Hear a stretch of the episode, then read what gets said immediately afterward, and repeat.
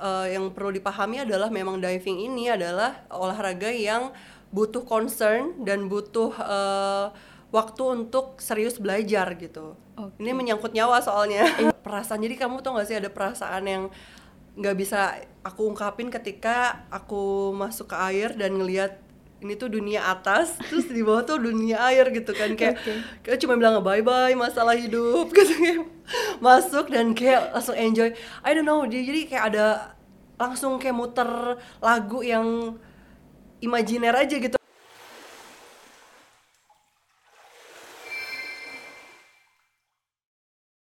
Halo teman-teman, uh, kembali lagi di Laut untuk Semua Podcast. Hari ini dengan saya Alia Ha, sekarang kita sudah kedatangan bintang tamu spesial kita.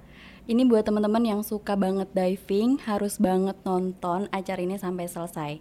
Siapa lagi kalau bukan Mbak Dayu Prastini. Halo. Halo Mbak Dayu.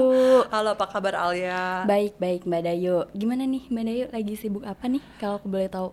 Oke, jadi selain jadi ibu rumah tangga pastinya ngurusin keluarga di rumah Um, aku juga sekarang bekerja sebagai guru renang bayi, oh, baby uh, instructor gitu untuk uh, untuk swimming. Terus juga selain itu ngerjain konten, konten creator. Terus apalagi ya? Oh ya sama um, aku punya apa clothing brand. Okay. baru oh, kecil-kecilan, okay. baru mulai. Udah sih itu aja menarik ya kayaknya ini udah bukan ibu rumah tangga sih tapi ibu sibuk kayaknya ibu rumah tangga tuh juga sibuk loh oh, bahkan iya. Uh, sama aja sibuknya cuman kayak sekarang uh, apa ya prioritasnya di uh, udah agak kebagi-bagi nih sekarang oh, oke okay. mm -hmm. tapi hobi diving tetap jalan ya nah itu dia yang paling seru karena aku baru balik lagi diving setelah lima tahun vakum nggak wow. diving sama sekali akhirnya bulan lalu aku memutuskan untuk yes berangkat diving lagi. Oke, okay. mm -mm. ini kayak menarik banget nih mbak. Kayak nggak cukup waktu kita kayak cuma 30 menit. Iya bener panjang banget ceritanya soalnya. Oke, okay, ini aku langsung tanya-tanya aja sama mbak Dayu ya. Okay. Sebelum kita masuk ke pertanyaan inti nih mbak, aku pengen tanya lebih seru jadi ibu rumah tangga atau diving ke wilayah seluruh Indonesia nih? Uh, susah banget jawabnya karena sekarang tiap orang fasenya beda-beda waktu zaman dulu pasti aku jawab diving karena aku nggak pernah nggak punya bayangan sebagai ibu rumah tangga tapi setelah aku jadi ibu rumah tangga seru sebagai ibu rumah tangga tapi diving juga adalah um, bagian dari hidupku gitu. Jadi kalau ditanya seruan mana dua-duanya seru dua-duanya apa ya dua-duanya itu adalah sesuatu yang aku sukain gitu. Jadi aku nggak bisa jawab okay.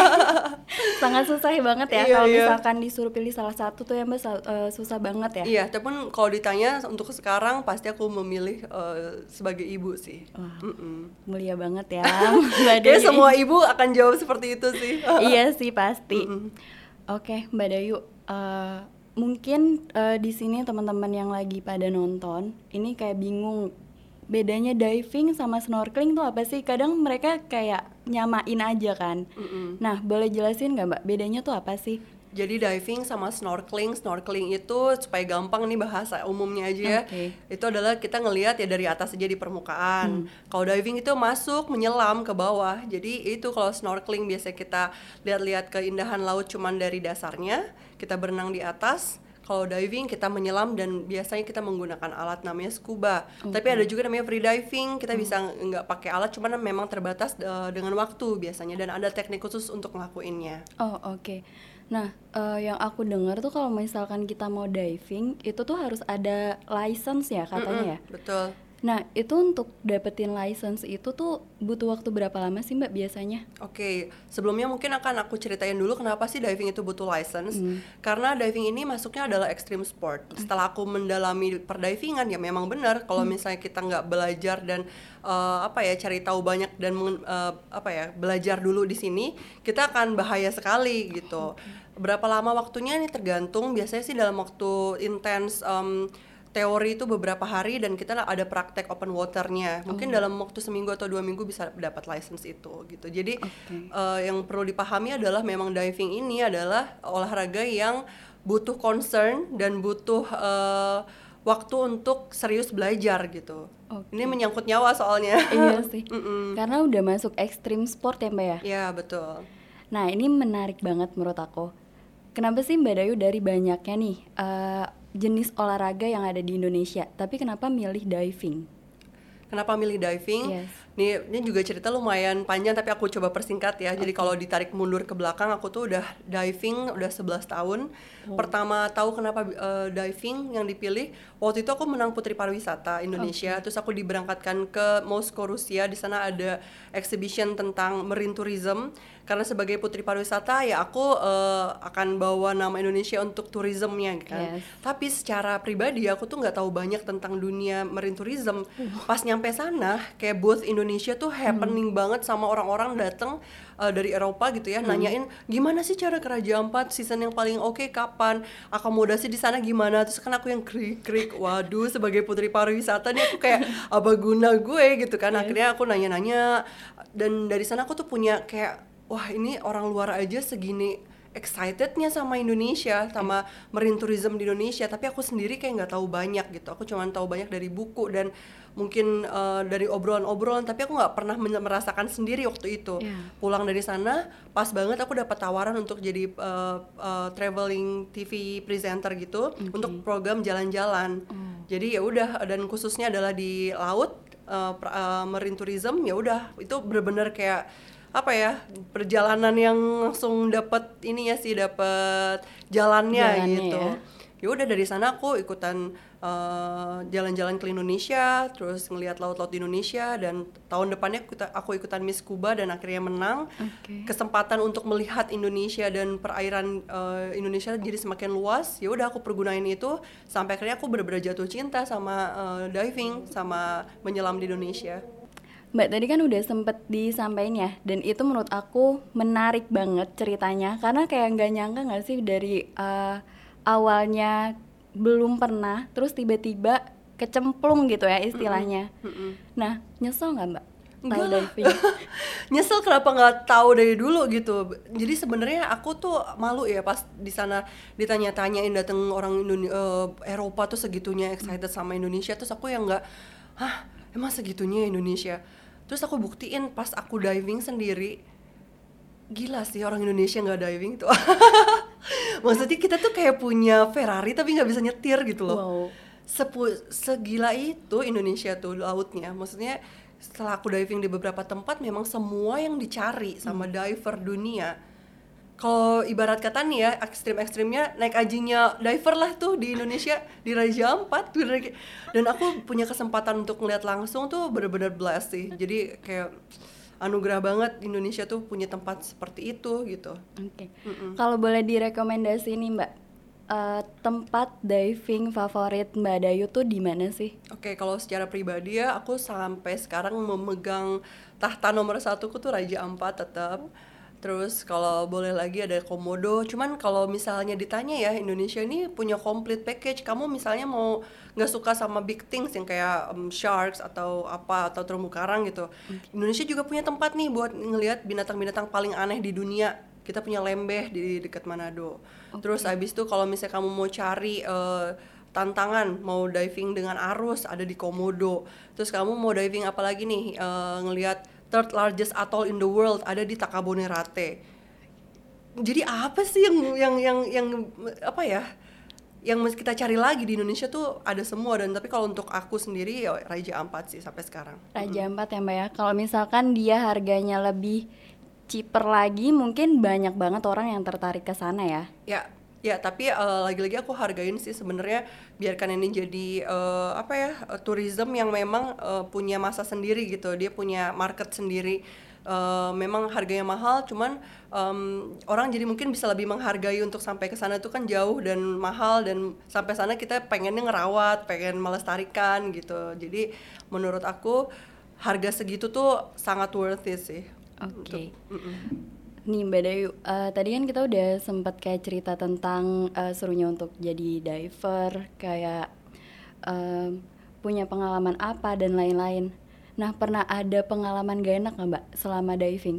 pengalaman gak enak em, mungkin kayak ber- beberapa kali ke bawah arus yang, yang kayak lumayan deg-degan dan aku pernah diving deep dive untuk syuting waktu itu kedalaman 50 meter aku sempat ngerasain sedikit narkosis gitu Wow. jadi dan itu kayak lumayan challenging ya buat buat aku. Tapi gara-gara itu juga aku jadi belajar.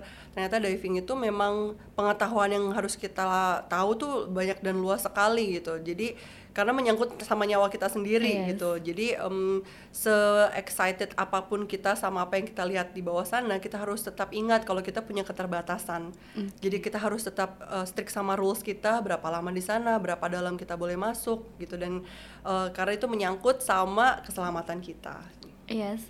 Kalau boleh aku tahu nih Mbak, aku kan nggak pernah diving sebelumnya ya. Nah kalau misalnya aku pengen coba nih untuk diving, apa aja sih eh, yang harus eh, diikutin untuk rulesnya itu?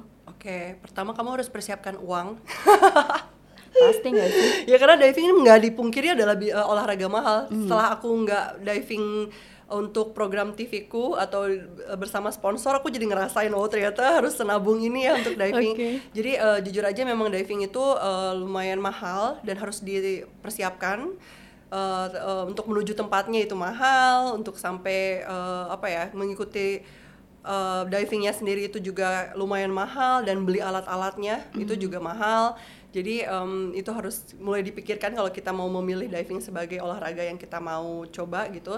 Terus yang harus dipersiapkan juga fisik itu paling penting sih. Jadi em, kalau sebelumnya aku bilang pokoknya diving aja diving aja." ternyata nggak bisa. Diving itu memang nggak untuk semua orang karena ada keterbatasan eh, fisik tertentu yang memang nggak bisa untuk diving. Misalnya kayak dia punya eh, penyakit pernafasan yang akut atau kita lagi pilek, lagi apa kita nggak bisa diving. Karena di bawah itu akan kesusahan sekali kita ketika kita equalize. Equalize itu kayak popping eh, apa ya menekan em, ini. Jadi supaya kita lega gitu jalur pernafasannya itu akan lebih susah kalau kita punya masalah pernafasan misalnya.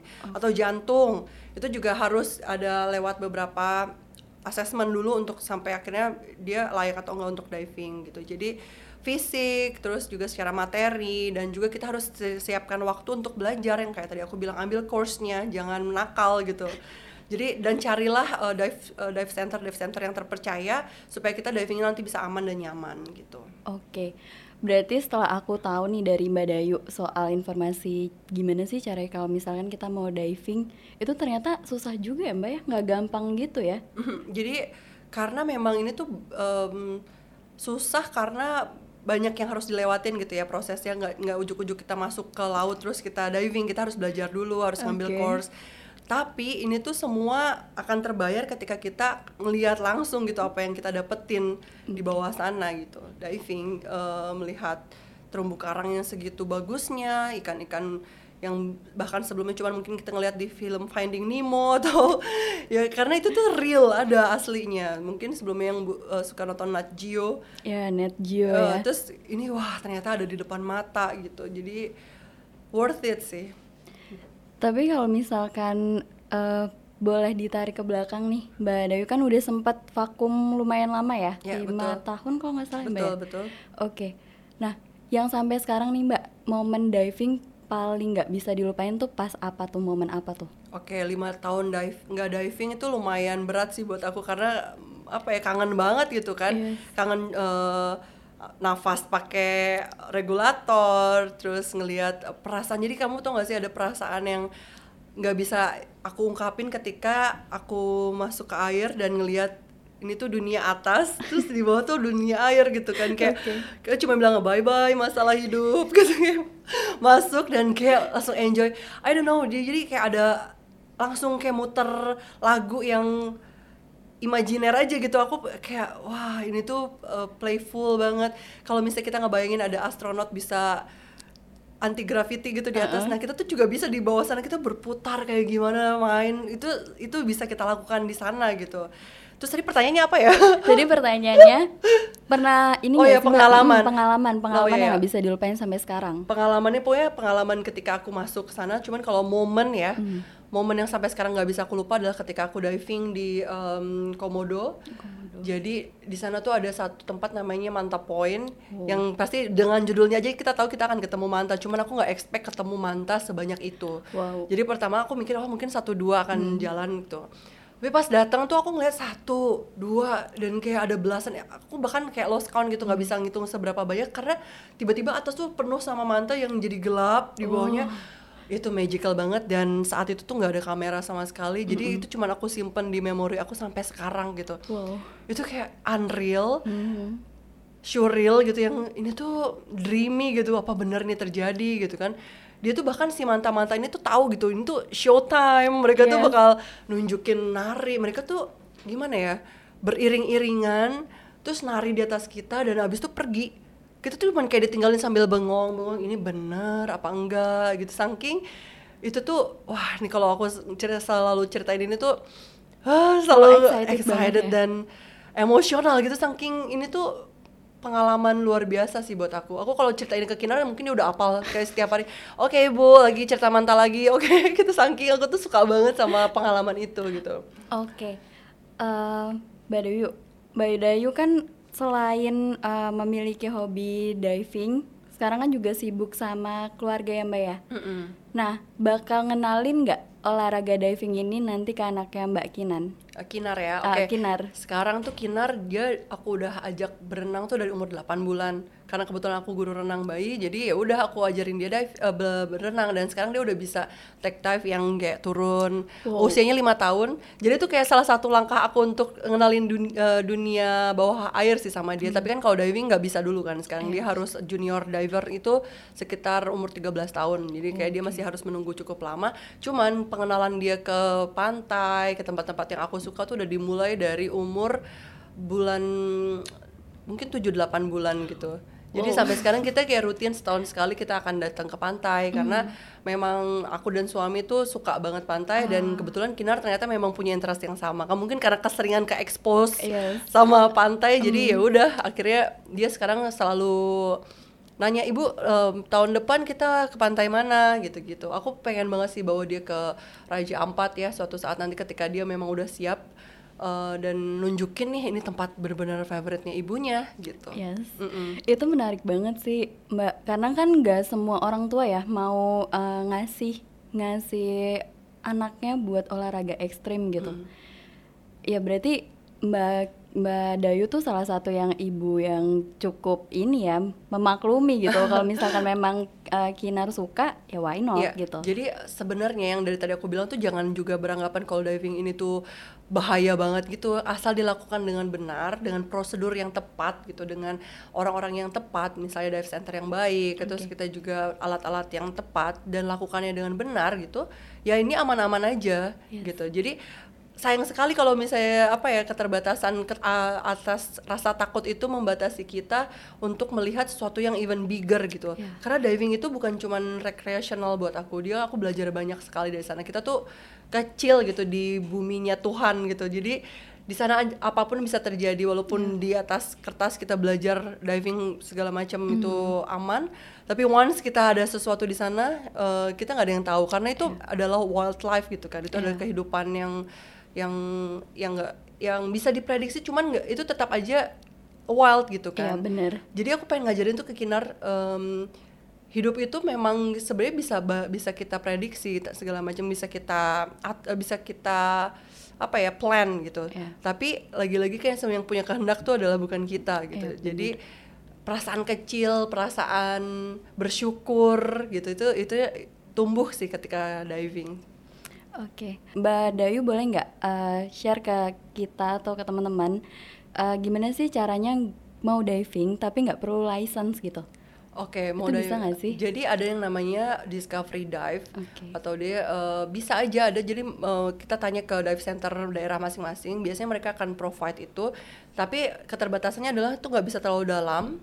Kalau nggak salah tuh 12 meter aja dan dia memang harus selalu dalam pantauan si eh, dive masternya. Oke. Dan sebelum melakukan eh, discovery dive itu kita juga tetap harus ngelakuin harus harus melewati brief dan sedikit latihan. Oh, Karena ada ya? kondisi emergency misalnya kita em, apa eh, masker kita copot di bawah kita harus tahu caranya gimana bisa pasang lagi. Terus kayak eh, alat juga harus kita kenal. Jadi se apa ya se nggak pernah nggak pernah yang kita diving tetap kita harus belajar gitu. Oh. sama dan kenal sama alat yang kita eh, pakai nanti. Itu adalah alat bantu kita bernafas loh di bawah gitu. Jadi itu sangat em, essential dan harus kita tahu gitu cara pakainya gimana. Terus kalau misalnya ada kendala apa yang harus dilakukan gitu gitu Kan Mbak Dayu udah sering untuk diving berarti udah banyak banget koral yang Mbak Dayu lihat kan ya? Nah, menurut pendapatnya Mbak Dayu, kondisi koral di Laut Indonesia sekarang ini tuh kayak gimana sih Mbak? Oke, jadi yang aku datengin kan memang dive spot ya. Dive Oke. spot itu biasanya memang lebih terjaga karena memang untuk tujuan wisata kan. Oke. Tapi secara umum eh, yang aku lihat tuh bagus banget apalagi di Raja Ampat. Mereka em, menjaga terumbu karangnya itu memang se- se- sebagus itu. Cuman ada beberapa part di Indonesia yang aku dengar memang juga sudah hancur. Oke. Karena eh, mungkin pemboman ikan atau kayak destructive fishing kayak gitu-gitu. Itu itu juga terjadi. Jadi aku nggak tutup mata karena yang aku datang ini memang ada tempat-tempat wisata. Jadi pasti mereka akan jaga itu Jaga. sebagai objek wisata gitu kan. Betul. Cuman ada ada beberapa tempat yang memiliki karang juga hancur juga. Ya, ya seperti itu jadi kondisinya. Cuman yang so far aku lihat ya masih masih bagus sih. Oke, kalau Mbak Dewi punya kesempatan untuk em, merecovery nih terumbu-terumbu karang yang rusak gitu Mbak. Kira-kira apa sih Mbak langkah yang eh, harus dilakukan untuk bisa ngebuat terumbu karang itu tuh normal lagi gitu? Oke, em, Alia tahu ya kalau misalnya terumbu karang itu adalah biota laut yang tumbuhnya itu sangat lamban. Dalam satu tahun dia cuman kayak akan tumbuh beberapa senti aja. Wow. Dan itu dengan stimulasi yang baik, dengan kondisi air laut yang baik, Hmm. dengan dengan kondisi nutrisi dan pH yang baik. Tapi kalau di tempat-tempat yang sudah rusak itu biasanya butuh waktu mungkin lebih lama. Nah ini menurut aku eh, apa yang bisa aku lakukan? Aku bu- pasti eh, aku nggak bisa melakukan banyak karena eh, pasti butuh tenaga dan dan ilmu pengetahuan yang lebih besar. Cuman aku pernah waktu itu em, syuting di Lombok di Gili, mereka membuat namanya Biorock. Jadi mereka bikin instalasi terumbu karang dan dikasih eh, aliran listrik supaya mempercepat tumbuhnya. Oh, nah ada itu juga cara kayak gitu ada ya, cara ada banyak cara. Jadi ada juga beberapa tempat yang memang menggalakkan eh, penanaman terumbu karang. Cuman sebenarnya penanaman itu eh, transplantasi kita kita sebutnya. Transplantasi itu juga harus dibarengi sama maintenance. Karena harus dipantau terus.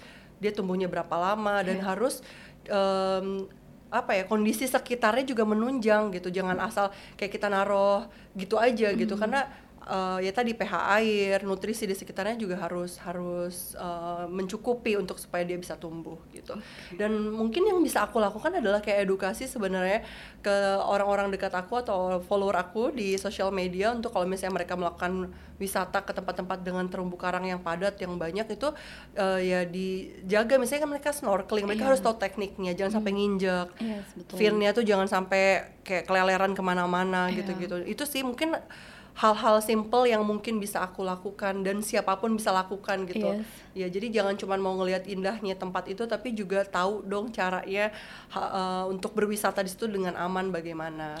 Aman buat diri kita dan juga aman buat lingkungannya pastinya. Betul, aku setuju banget sih Mbak Dayu karena kan kebanyakan orang mungkin ya, apalagi anak muda nih yang suka banget kayak vacation dan biasanya tuh suka bahas snorkeling. Kalau diving tuh mungkin mereka karena tahu harus pakai license dan aku baru tahu juga tuh ternyata ada yang nggak harus pakai.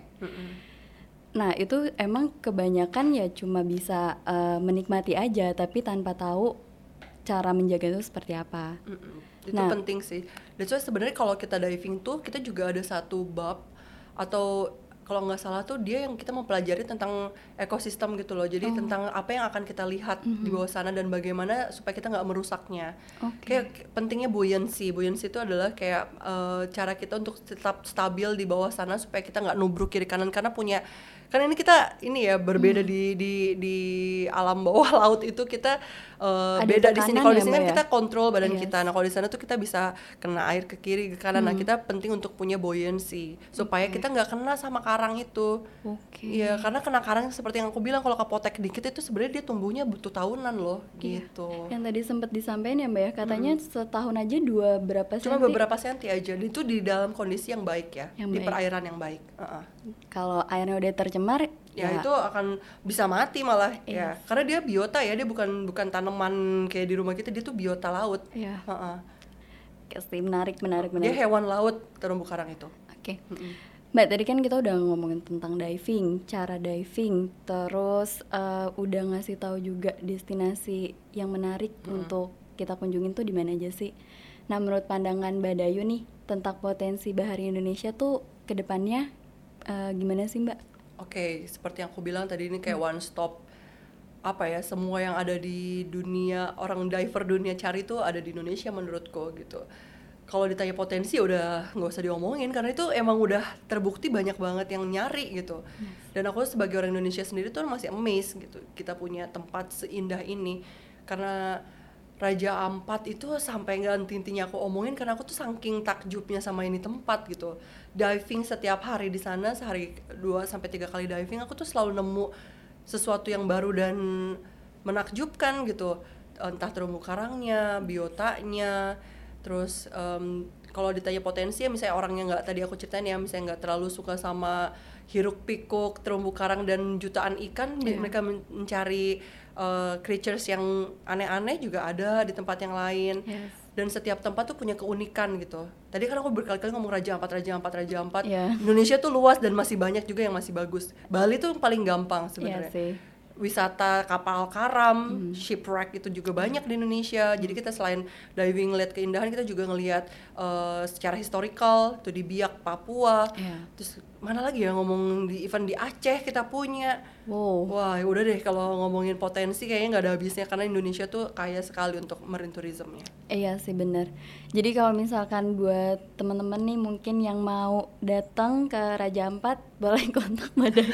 Enggak, jadi nggak jangan kontak aku karena oh, tapi aku kalau sempat posting juga bagaimana cara ke Raja Ampat dengan budget yang nggak terlalu heboh gitu. Oke. Jadi kayak biasanya sih setiap aku kayak traveling ke mana-mana aku bakal bikin postingan uh, tentang tempat itu gitu. Jadi mungkin bisa lihat-lihat. Mm-mm. Oke, mungkin teman-teman kalau misalkan ada yang pengen tahu nih kalau misalkan mau budgeting buat diving atau mau traveling ya Mbak ya, yang lebih ke dunia kelautan tuh boleh follow Instagramnya Mbak Dayu. Di mana Mbak? Di @dayuhatmanti. Oke, jadi jangan lupa tuh.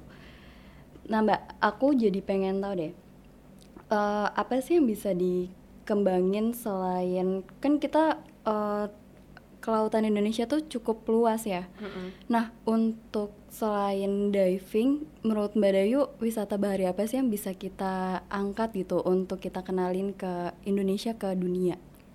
Hmm, kalau ngomongin water sport atau kayak wisata bahari Iya. selain itu ya, ya banyak sih. eh cuman karena aku menggelutinya selama ini diving, menurut aku yang paling menarik still diving ya. Tapi misalnya pun orang nggak diving bisa melakukan snorkeling atau kayak eh atau banyak tempat-tempat di Indonesia tuh memang yang bagus untuk untuk bisa jadi eh, tempat menginap gitu, resort atau apa.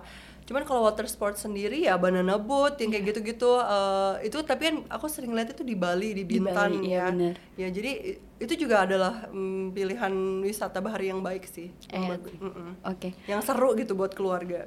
Dan masih tentunya masih aman dan nggak perlu harus eh, belajar banyak gitu ya. Iya, ya, tapi yang penting biasanya sih kayak gitu harus dilihat aspek um, safety-nya ya. Yes. Ya misalnya or- orang um, wisata bahari itu kan luas banget. Iya, misalnya benar. kayak kita mau sailing naik naik kapal pesiar kayak gitu-gitu juga termasuk wisata bahari kan. Yes. Dan itu udah berkembang juga di Indonesia. gitu. Jadi menurut aku ya banyak sih potensi yang bisa bisa, Bisa makin diangkat dan dan diperkenalkan ke dunia. Bahkan udah terkenal sih nggak usah diperkenalkan. Iya. Indonesia pasti ingetnya itu deh kalau uh, tourism. Iya, oke.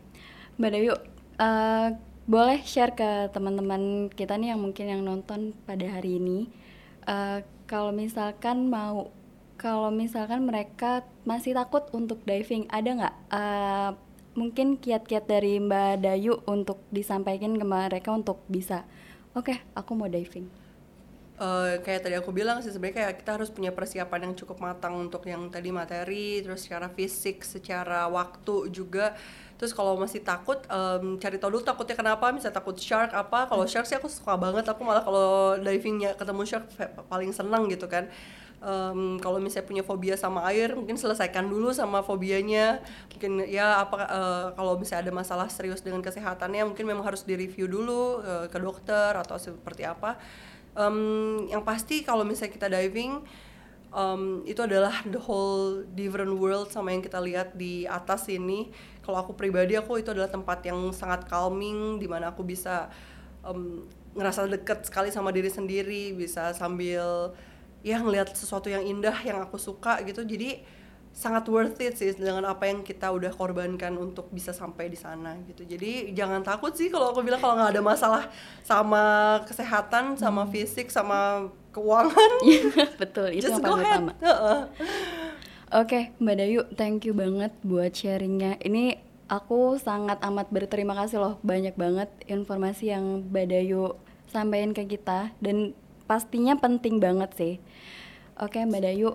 Makasih eh, juga loh buat kesempatannya bisa ngobrol. Udah lama banget aku nggak ngomongin perdivingan. Oh iya? Karena dulu memang sering ya dulu tentang konservasi, Hmm. tentang diving karena memang jadi pekerjaanku sehari-hari. Tapi setelah lima tahun nggak diving itu akhirnya bisa diving dan ngomongin tentang diving lagi tuh kayak aku Excited kembali banget. ke diri sendiri yang dulu gitu loh. Jadi makasih banyak untuk kesempatannya. Oke, thank you Mbak Dayu. Oke buat teman-teman, thank you atas waktunya udah dengerin podcast kita pada hari ini. Ditunggu untuk podcast Laut Untuk Semua selanjutnya. See you.